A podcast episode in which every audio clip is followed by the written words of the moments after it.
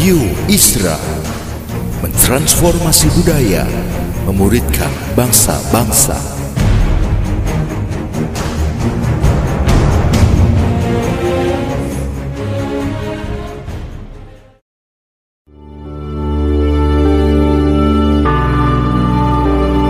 Apostolic Prophetic Messages mengungkapkan pesan dan arahan dari hati Tuhan bagi gerejanya demi menuntaskan mandat kerajaan Allah di Indonesia dan bangsa-bangsa. Selamat mendengarkan.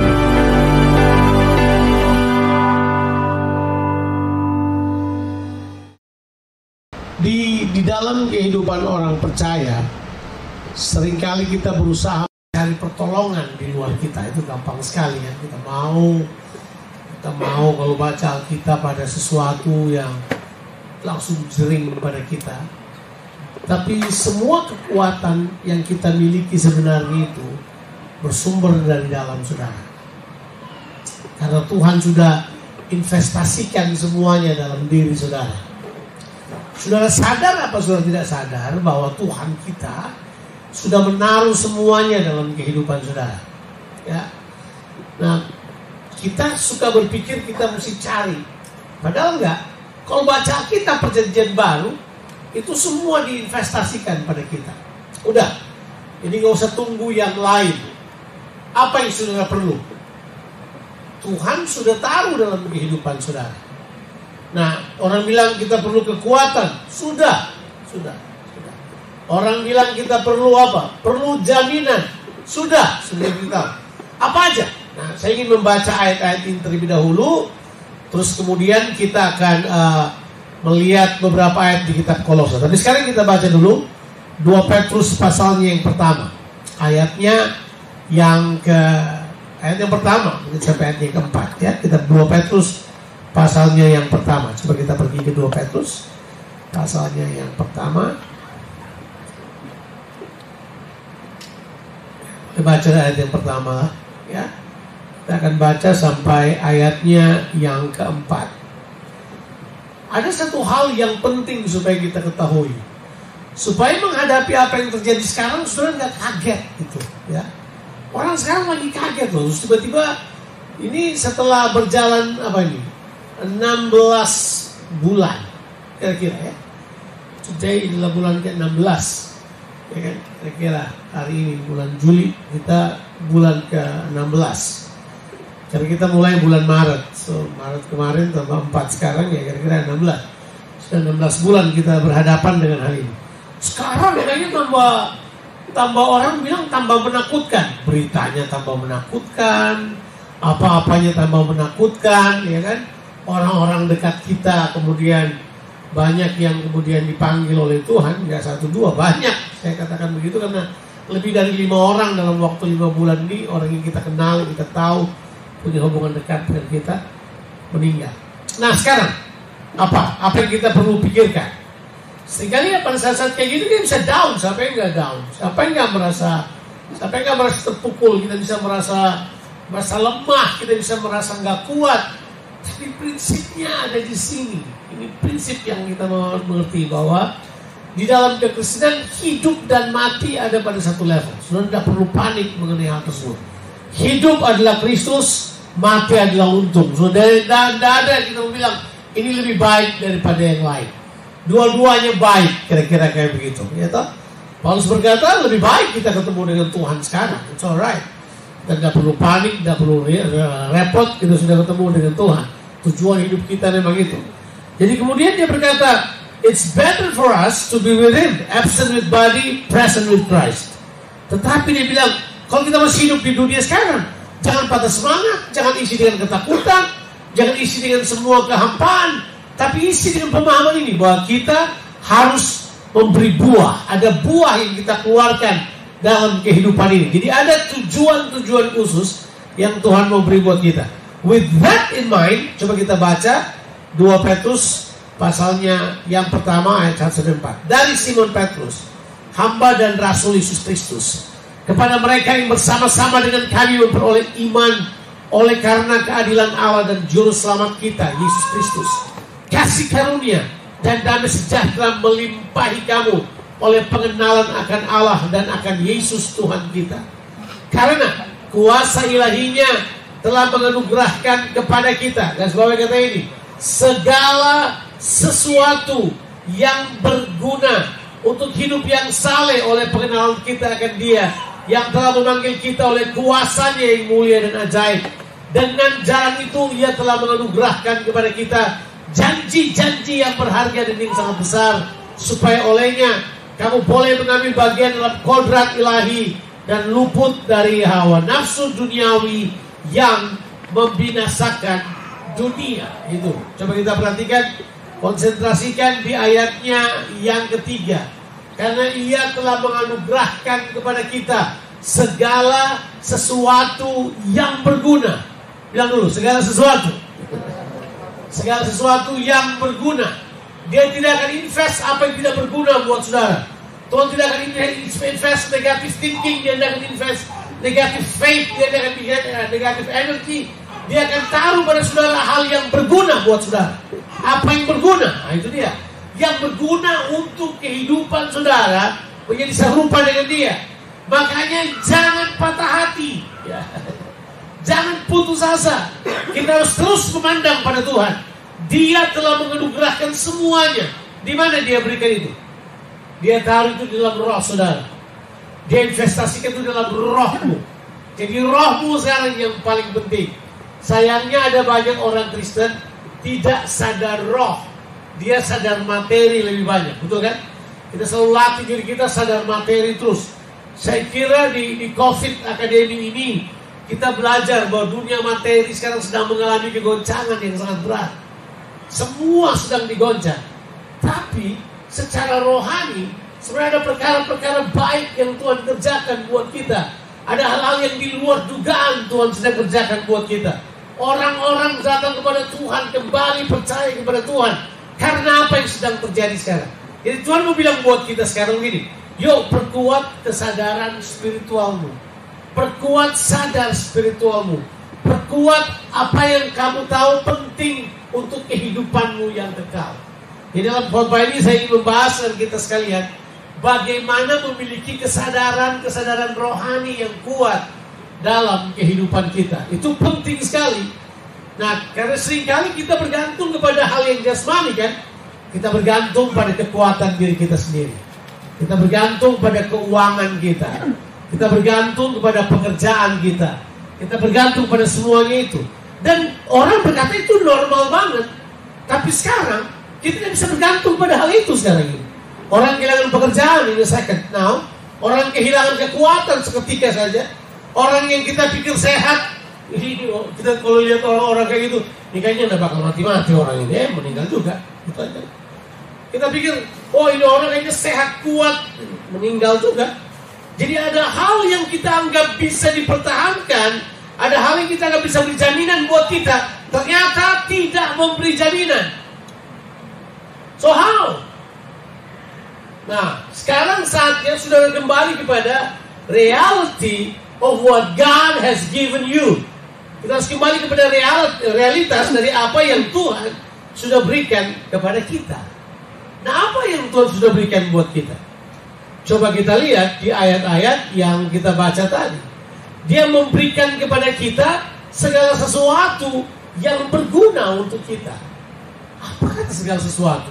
Saya suka baca-baca. Segala sesuatu apa itu ya? Segala sesuatu. Bayangkan. Ya, jawabannya apa segala sesuatu? Segala sesuatu. Apa aja? Yang saudara perlukan sudah sudah diberikan. Jadi begini, pandangan dogmatik kita yang salah perlu kita tukar. Ada banyak orang percaya lebih suka meminta apa yang Tuhan sudah kasih buat mereka. Mereka masih minta-minta. Mereka habiskan waktu mereka untuk meminta apa yang Tuhan sudah berikan. Padahal yang perlu mereka kembangkan sebenarnya adalah kesadaran bahwa itu ada dalam kehidupannya. Halo? Sudah mengerti apa yang saya sampaikan? Misalnya saya beri contoh. Kita habiskan waktu berdoa supaya Tuhan menyertai kita. Saya tanya dulu pada saudara. Apakah Tuhan menyertai saudara? Dia yang bilang dengan jelas, Aku menyertai kamu. Kamu nggak suruh juga disertai kamu. Halo? Tapi kita kan suka yang agamawi. Kelihatannya keren tuh kalau kita minta pada Tuhan. Tuhan sertailah aku. Tuhan bilang sudah dari dulu pak. Ya sudah dari dulu. Sudah dari dulu aku menyertai kamu. Tapi kan nggak enak. Perasaan agamawi kita kayaknya nggak enak. Kita harus minta. Ah, kan sombong kalau kita nggak minta kan. Harusnya kalau minta menandakan oh, sangat desperate. Ya desperate tapi not biblical. Karena Tuhan sudah beri buat kita. Betul nggak? Saya tidak bilang bahwa saudara jangan berdoa, tidak. Berdoa. Kalau perlunya kita perlu doakan, itu apa yang Paulus bilang? Coba pelajari doa-doanya Paulus. Doanya Paulus begini. Aku berdoa supaya mata hatimu terbuka.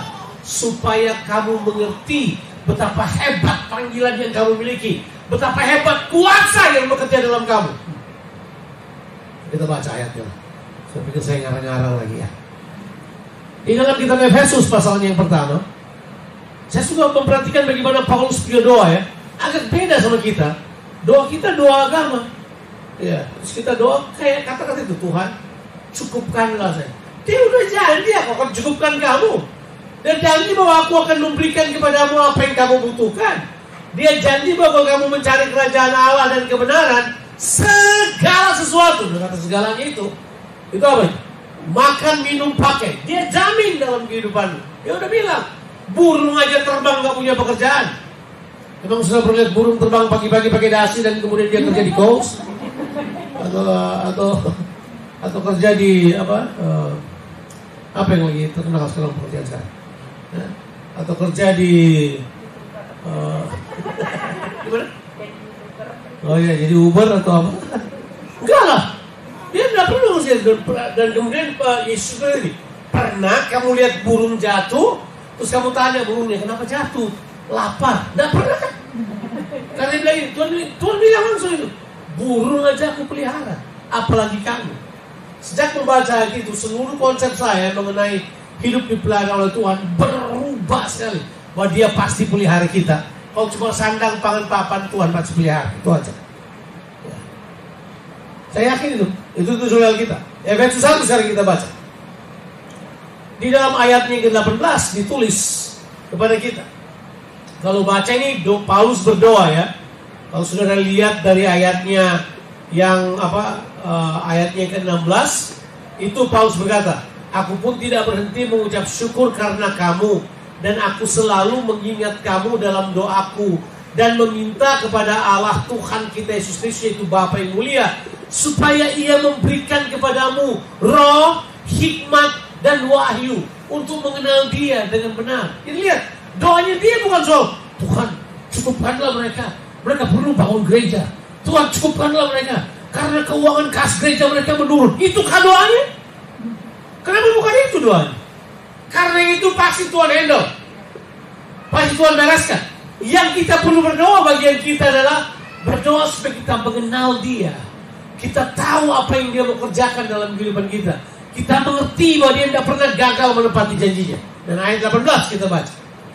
Jadi dia kita dia minta pada supaya kita menerima roh hikmat dan wahyu untuk mengenal Tuhan dengan benar. Ayat 18. Dan supaya ia menjadikan mata hatimu terang. Nah, itu dia. Dia mau supaya mata hati kita terang. Terang buat apa?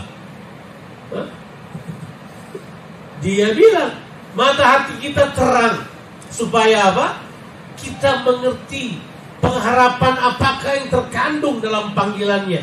Dan betapa kaya kemuliaan bagian yang ditentukan yang ditentukannya bagi orang-orang kudus. Ayat 19 dan betapa hebat kuasanya bagi kita yang percaya sesuai dengan kekuatan kuasanya. Wah ini jelas. Kalau betapa hebat. Israel perlu kuasa ya. Alkitab bilang ada kuasa yang hebat bekerja dalam diri saudara. Saudara berkata, masa sih? Ya udah kita kita boleh habiskan uh, uh, waktu kita berkata masa sih, masa sih? Oh gitu ya, oh gitu ya. Masa sih? Tuhan gitu. Kita boleh habiskan waktu kita berpikir kayak begitu. Padahal Tuhan tidak pernah berhenti bekerja untuk meyakinkan saudara. Nah bagian kita itu adalah mengerti apa yang dia sedang kerjakan. Kalau kita paham itu, kita akan berhenti menyalahkan keadaan kita. kita akan sibuk mengeluarkan apa yang Tuhan taruh dalam kehidupan kita. Perasaan dia, kalau salah di akhir khotbah minggu lalu atau dua minggu lalu, saya memberitahukan pada saudara bahwa kita orang percaya ini bukan internalisasi kebenaran.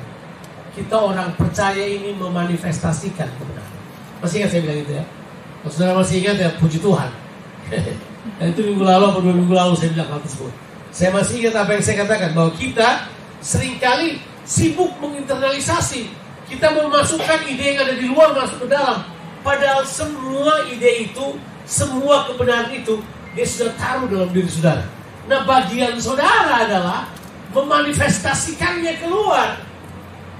Nah itu yang kita tidak itu. Itu yang kita tidak pahami dalam kehidupan kita. Kita punya pengetahuan tentang hal tersebut sangat rendah.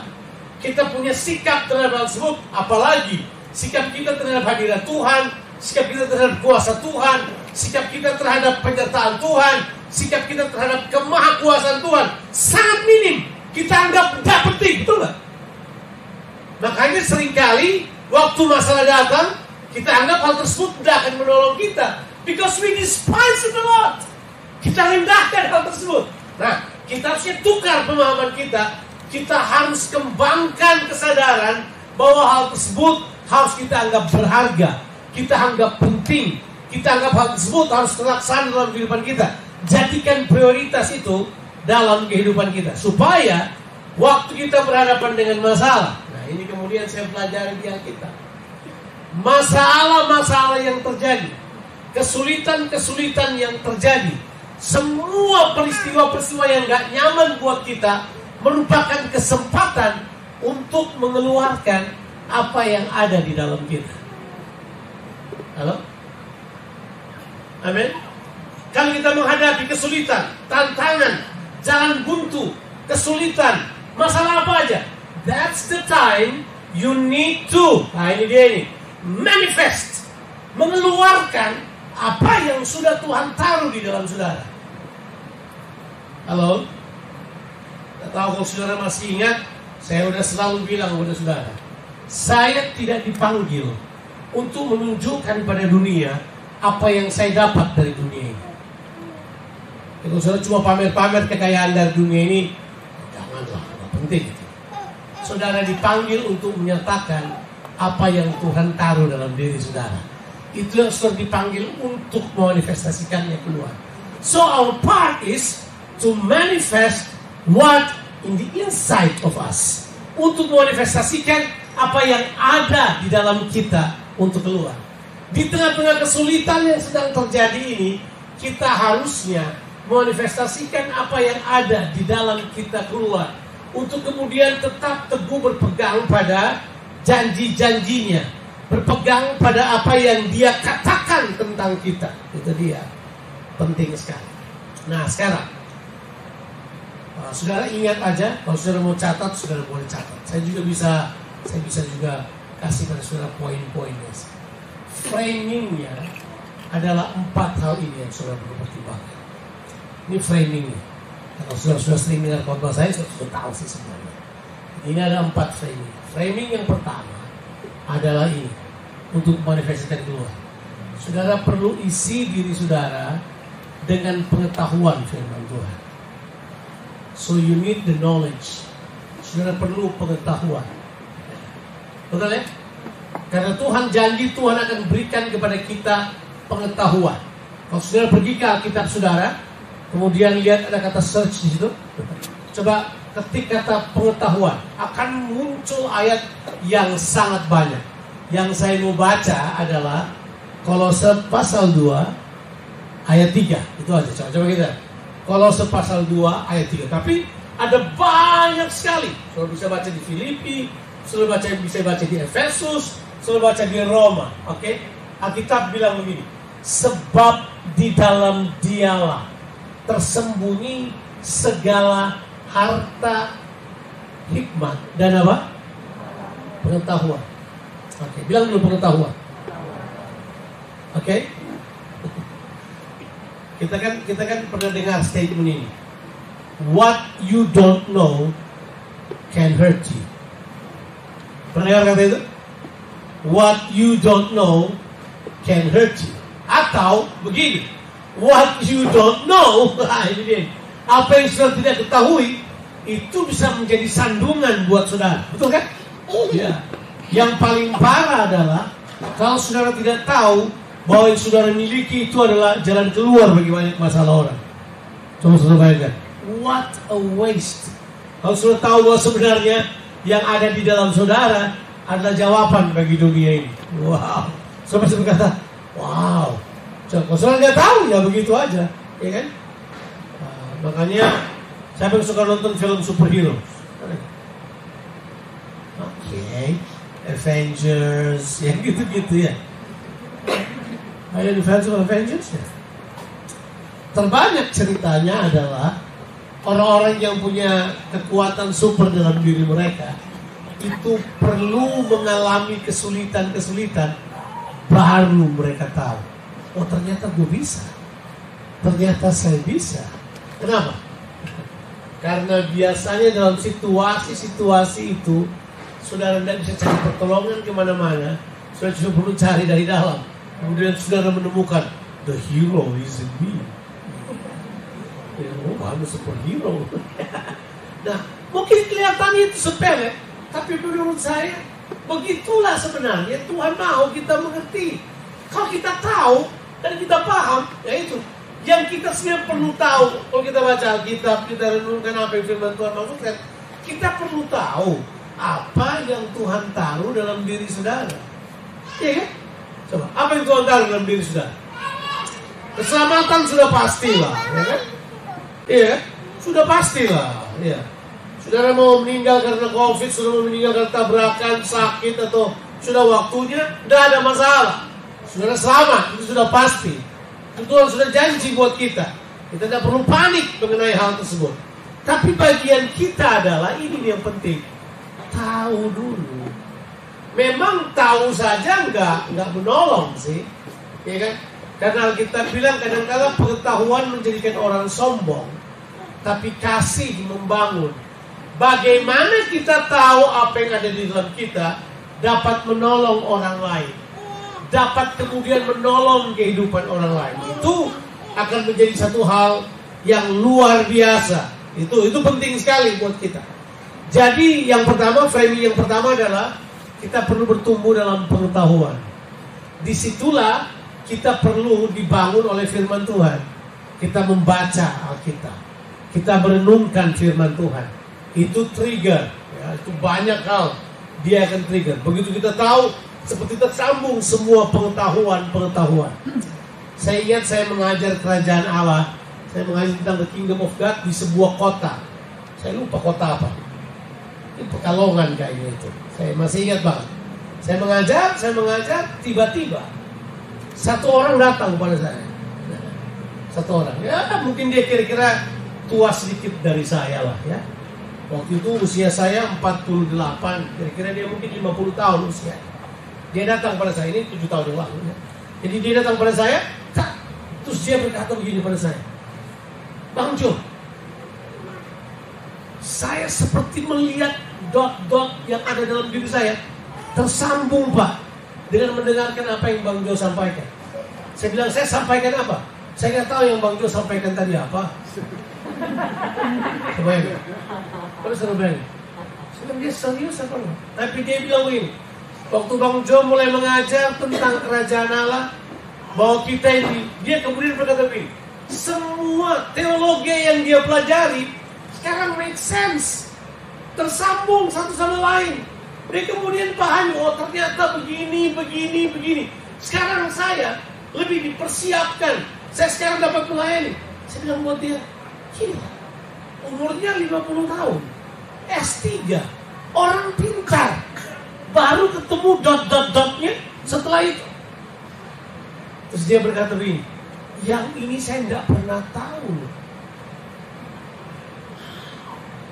Saya kalau menurut belakang saya pikir, pengetahuan apa itu? Saya yakin saya dikirim ke persekutuan itu. Padahal begini, oh saya sudah ingat, betul. Ini bukan bukan di Pekalongan, saya sudah ingat. Di Batu Raden.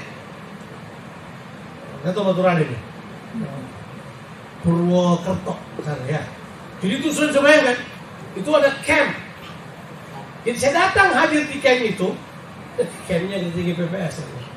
Itu saya hadir di camp itu, cuma datang buat bapak ini satu, cuma buat dia aja. Sebab yang lain biasa aja. Saya berkhotbah situ empat sesi, nggak terjadi, nggak ada orang yang rebah ke tanah, nggak ada awan turun di situ. Tapi satu orang ini kayaknya, hey, mengalami terobosan. Dan through that one man, saya udah rasa selesai pekerjaan saya. Ya, waktu saya tidak saya puas.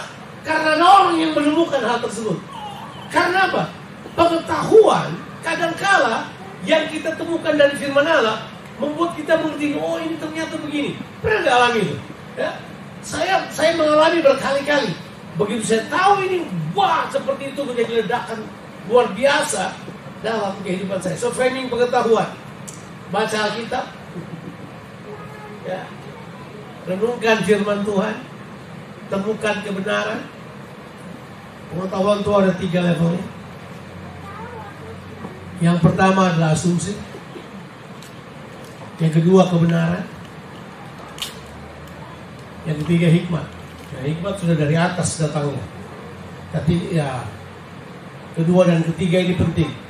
Ya, bahayanya kalau kita cuma tahu sesuatu secara asumsi.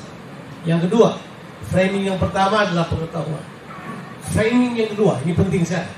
Itu adalah attitude, sikap. Bagaimana kita bersikap, itu penting sekali. Framing ini penting buat kita, sebab sikap kita akan menentukan sekali. Sikap kita terhadap uh, terhadap firman Tuhan, sikap kita terhadap karya Tuhan dalam kehidupan kita, sikap kita terhadap apa itu? Terhadap diri kita. Bagaimana kita melibatkan Tuhan dalam diri kita. Sikap kita yang berhubungan dengan identitas kita. Sikap kita berhubungan dengan pola pikir kita. Kita perlu mengerti itu. Bagaimana sikap saudara? Kalau saya tanya ini pada saudara. Ini kata yang saya pilih hati-hati sekali. Saudara mau nggak jadi rendah hati seperti Yesus? Bagaimana sikap saudara? Hmm, belum siap. Oke. Bagaimana sikap saudara? Eh, susah. Oke. Bagaimana sikap saudara? Kalau saya katakan ini pada saudara. Bahwa Tuhan mau saudara mempercayai Tuhan dengan sepenuh hati saudara. Dan tidak ada reserve yang lain kecuali Tuhan. There is no second plan, cuma Tuhan. Tidak ada yang lain, tidak ada plan B. Yang ada cuma percaya pada Tuhan. Ah susah. Saya percaya pada Tuhan, tapi saya punya plan B lah. Saya punya persiapan kalau yang Tuhan punya nggak jalan, saya siapkan yang lain. Bagaimana? Bagaimana sikap saudara? Itu penting sekali, saudara. Sebab sikap inilah yang akan menentukan. Sikap itu ada di mana? Sikap itu ada di daerah jiwa kita. Sikap itu, sikap kita itu ada dalam pola pikir kita. Bagaimana kita berpikir mengenai hal tersebut. Itu penting sekali, ya. Kita perlu sekali. Sikap berkaitan dengan pandanganmu, sikap berkaitan dengan perspektifmu, sikap berkaitan dengan pengetahuan yang kamu isi dalam dirimu jelas. Sikap berhubungan dengan bagaimana saudara bereaksi di masa-masa sukar. Sikap berurusan dengan bagaimana engkau bersikap terhadap putus hubungan, pengampunan, menerima orang lain, menolong orang lain, menganggap orang lain. Itu sikap semuanya itu. Bagaimana saudara mengembangkan hal tersebut? Bagaimana sikap saudara? Itu penting sekali. Itu penting sekali. Alkitab berkata, Filipi pasal 2 ayat yang kelima. Kalau kita mau bersikap, ini Filipi pasal 2 ayat yang kelima. Hendaklah kamu dalam hidupmu bersama menaruh pikiran dan perasaan. Terjemahan tepat, hendaklah kamu dalam hidupmu bersama memiliki sikap seperti yang terdapat di dalam Kristus Yesus. Saya berkata pikiran dan perasaan itu adalah lebih cocok sikap mental, froneo, ya sikap mental, cara berpikir dan merasa itu sikap. Kita perlu punya sikap itu. Apakah kita bersikap tepat ketika kita mengalami putus hubungan? Apakah kita bersifat tepat kalau kita menghadapi tekanan-tekanan dari luar? Apa kita bersikap tepat kalau misalnya orang berkata tentang keburukan kita dari belakang? Apakah kita bersikap tepat Kalau misalnya orang mengkhianati kita, orang cerita dari belakang kepada kita, apa kita bersikap tepat? Nah, itu dia. Bagaimana sikap saudara? Apakah saudara bersikap tepat untuk semua yang Tuhan percayakan kepadamu? Nah, bersikap tepat gak kita atas karunia yang Tuhan berikan buat kita? Orang bisa disombong karenanya. Ada orang dengan rendah hati memakainya untuk melayani orang. Ada orang yang bersikap tepat dengan jalan adalah membagi-bagikan talenta yang Tuhan berikan kepada mereka. Harus juga menyembunyikannya untuk diri mereka sendiri. Nah ya, saudara punya sikap menentukan sekali terhadap apa yang Tuhan taruh dalam diri saudara sendiri. Oke, saya lanjut yang ketiga. Jadi yang pertama framing yang pertama adalah apa? Pengetahuan. Yang kedua adalah sikap. Nah sekarang yang ketiga. Yang ketiga ini penting banget. Yang ketiga adalah perilaku, behaviors. Bagaimana perilaku kita? Bagaimana perilaku kita? Nah ini perilaku ini berkaitan dengan manifestasi fisik dari iman kita. Saya ulangi lagi. Perilaku itu adalah manifestasi fisik dari iman kita. Iman kita akan menentukan perilaku kita. Iman kita akan menentukan tindakan kita, kebiasaan kita. Iman kita akan kelihatan pada cara kita bertindak terhadap orang lain, cara kita apa itu berhubungan sama orang lain. Iman kita akan kelihatan baik secara personal maupun di depan publik, itu jelas. Ya. Nah di sini di perilaku ini ada satu kata kunci yang penting buat kita. Ketaatan. Ketaatan itu ada di perilaku. Halo? Ada orang taat di pikiran tapi nggak dilakukan. Itu aneh itu namanya. Sebab ketaatan dari cuma di pikiran. Walaupun ketaatan dimulai dari pikiran, betul nggak? Tapi dia tidak boleh berhenti di pikiran. Dia harus sampai pada perilaku. Bagaimana kita melakukan sesuatu. Ya, siap. Ini penting sekali. Tindakan kita tidak bisa kita pisahkan dari, nah itu, tindakan ini kita pisahkan dari apa yang kita percayai, sikap kita, kepercayaan kita. Itu jelas. Yang tadi dua di atas, perilaku sangat ditentukan oleh yaitu pengetahuan yang kita miliki dan kemudian sikap yang kita miliki. Hal tersebut akan menciptakan kepada kita sebuah tindakan-tindakan kata yang saya pakai tindakan-tindakan yang sesuai dan sesuai itu kalau kita pakai bahasa yang kita sering gunakan adalah kalau kita beli handphone baru kita bawa ke komputer kita kita bikin apa dia? Sync synchronizing. Kita sinkronkan perilaku kita dengan firman Tuhan. Dan yang keempat. Yang keempat adalah relationship. Hubungan. Saya ulangi lagi. Oke, yang pertama adalah apa tadi? Pengetahuan, sikap, terus perilaku. Nah, sekarang relationship.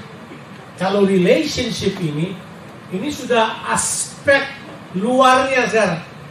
Kita berbicara tentang interaksi sosial kita terhadap orang lain.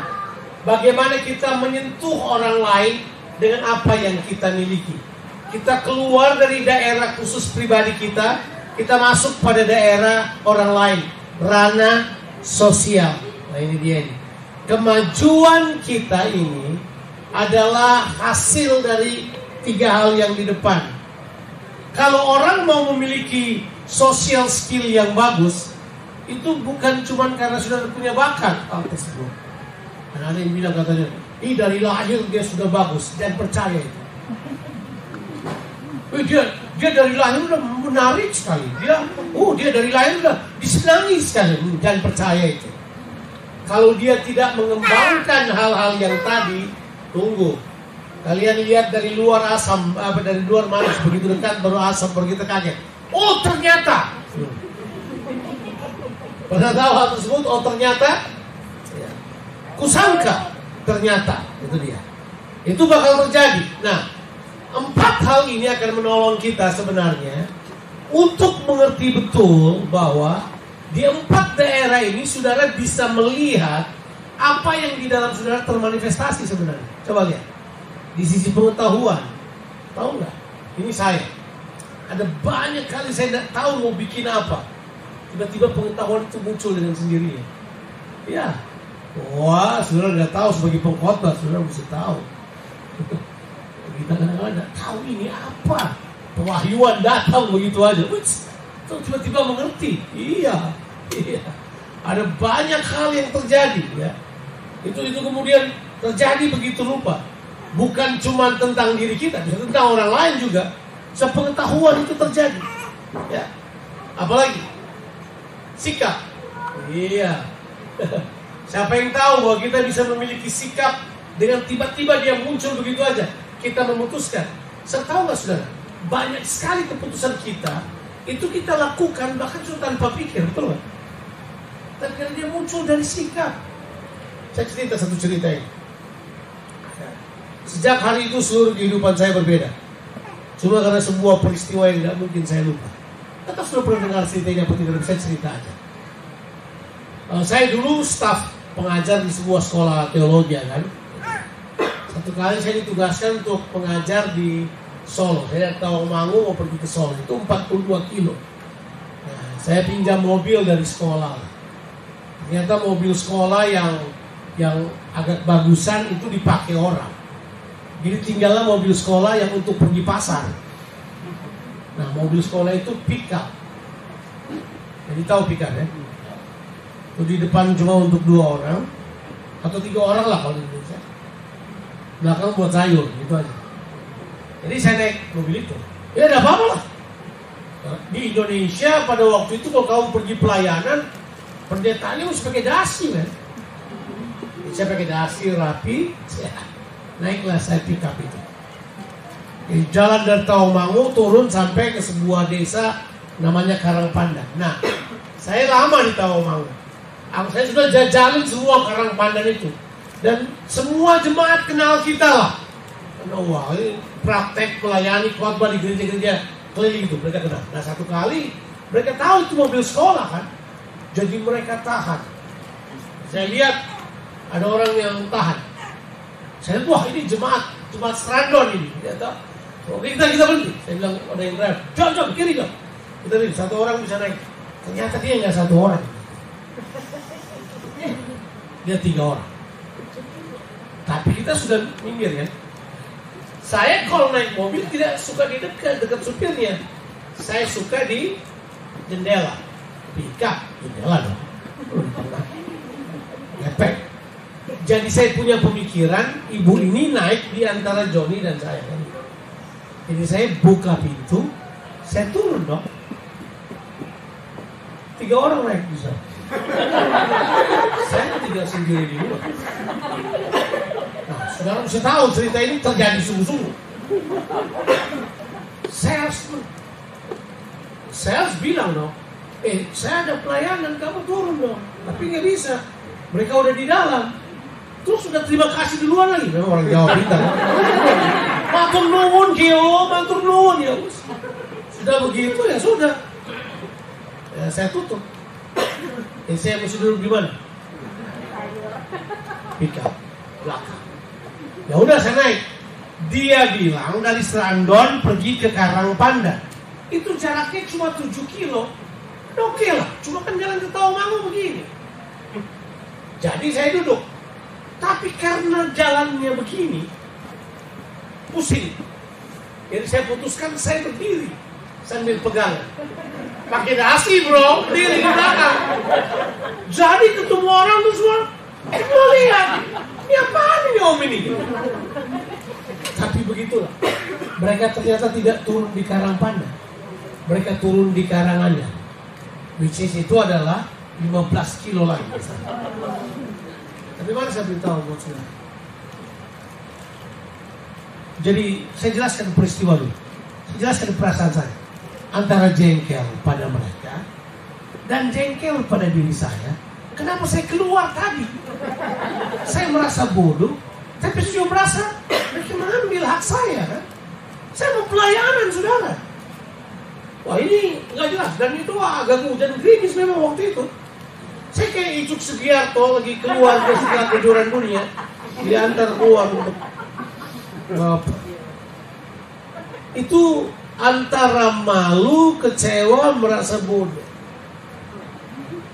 Tapi waktu turunkan mereka, saya turun. Saya rasa ada yang hilang saya. Gengsi saya. Dan yang paling luar biasa lagi, merasa penting sebagai hamba Tuhan. Hilang. Masa saya beritahu pada saudara. Itu tidak bisa hilang dengan sendirinya. Saudara. Mesti ada sesuatu yang buat itu hilang. Tapi sejak hari itu, seluruh kehidupan saya berbeda. Berbeda, saya nggak tahu lah. Kalau saya runtut balik, mengapa saya mudah bergaul dengan orang, kenapa saya mudah terima orang, kenapa saya tidak pandang-pandang, itu saya kira karena peristiwa itu. Kalau saya runtut balik perasaan saya, mungkin pada saat itu, saya kemudian datang, oh this is it. Ini waktu di mana di dalam saya berkecamuk, tapi saya memutuskan tuh bersikap betul. Saya punya sikap benar. Mungkin terpaksa, tapi at the end of the day, hari itu saya belajar bahwa yang kayak begini tidak akan terulang lagi. Dan itu adalah kesempatan yang paling bagus. Makanya saya beritahu pada saudara, ada saat-saat ya, kadang-kala gengsimu lagi di stretch, kesombonganmu lagi di itu, nggak usah khawatir. Mungkin waktu itu waktu yang terbaik buat kamu untuk kemudian mengalami sebuah terobosan rohani seperti yang saya alami. Itu sikap. Sejak hari itu seluruh sikap saya benar. Jadi saya sekarang udah tahu bahwa sekalipun mereka cuma jemaat, mungkin mereka kalangan orang yang kurang, tapi saya beritahu saudara, di hadapan Tuhan mereka sama pentingnya dengan saya kan. Dan kemudian saya sadar, ini yang kita bilang, hendaklah kamu dalam hidupmu bersama menaruh pikiran dan perasaan seperti yang terdapat di dalam Kristus. Yang dunia pengen lihat sebanyak adalah hal tersebut. Seperti memerlukan kuasa untuk jadi rendah hati daripada kuasa untuk menyembuhkan orang sakit menurut saya. Ya terserah. Saudara perlu mempertimbangkan hal tersebut. Tapi menurut saya adalah hari itu saya berubah. Hari itu saya berubah. Saya kemudian jadi hamba Tuhan nggak nggak milih-milih. Saya jadi hamba Tuhan tidak harus ditaruh tempat yang spesial. Saya kemudian belajar, saya harus jadi hamba, mendahulukan orang lain. Oke, jangan lupa pengetahuan, sikap, behaviors atau perilaku. Tapi yang sangat penting adalah how you build relationship dengan orang lain. Kalau saudara gampang putus hubungan dengan orang lain, saya beritahu pada saudara, jangan-jangan Tuhanmu bukan Yesus. Karena Yesus sedapat-dapatnya kalau bergantung pada dirinya, dia berdamai dengan semua orang. Kita yang salah, manusia yang salah. Tuhan datang duluan berdamai dengan kita. Saya berharap apa yang disampaikan ini bisa menolong saudara. Tuhan Yesus memberkati kita sekalian. Amin. Mari kita berdoa. Bapak di sorga kami datang kepadamu. Tuhan kami sangat terbatas untuk memahami kebenaran firman. Hambamu juga sangat terbatas untuk memberi penjelasan. Tapi hambamu berdoa roh kudus menjelaskan itu dalam kehidupan kami masing-masing. Biar kami mengerti kebenaran firman. Biar kami menjadi orang-orang yang bersikap benar Tuhan. Hambamu berdoa Tuhan. Biar kami tahu apa yang ada dalam kami. Biar kami tahu apa yang Tuhan sudah investasikan dalam diri kami. Biar kami bangun, kami bangkit dan menyatakannya kepada dunia. Berkati kami semua dalam nama Yesus. Amin.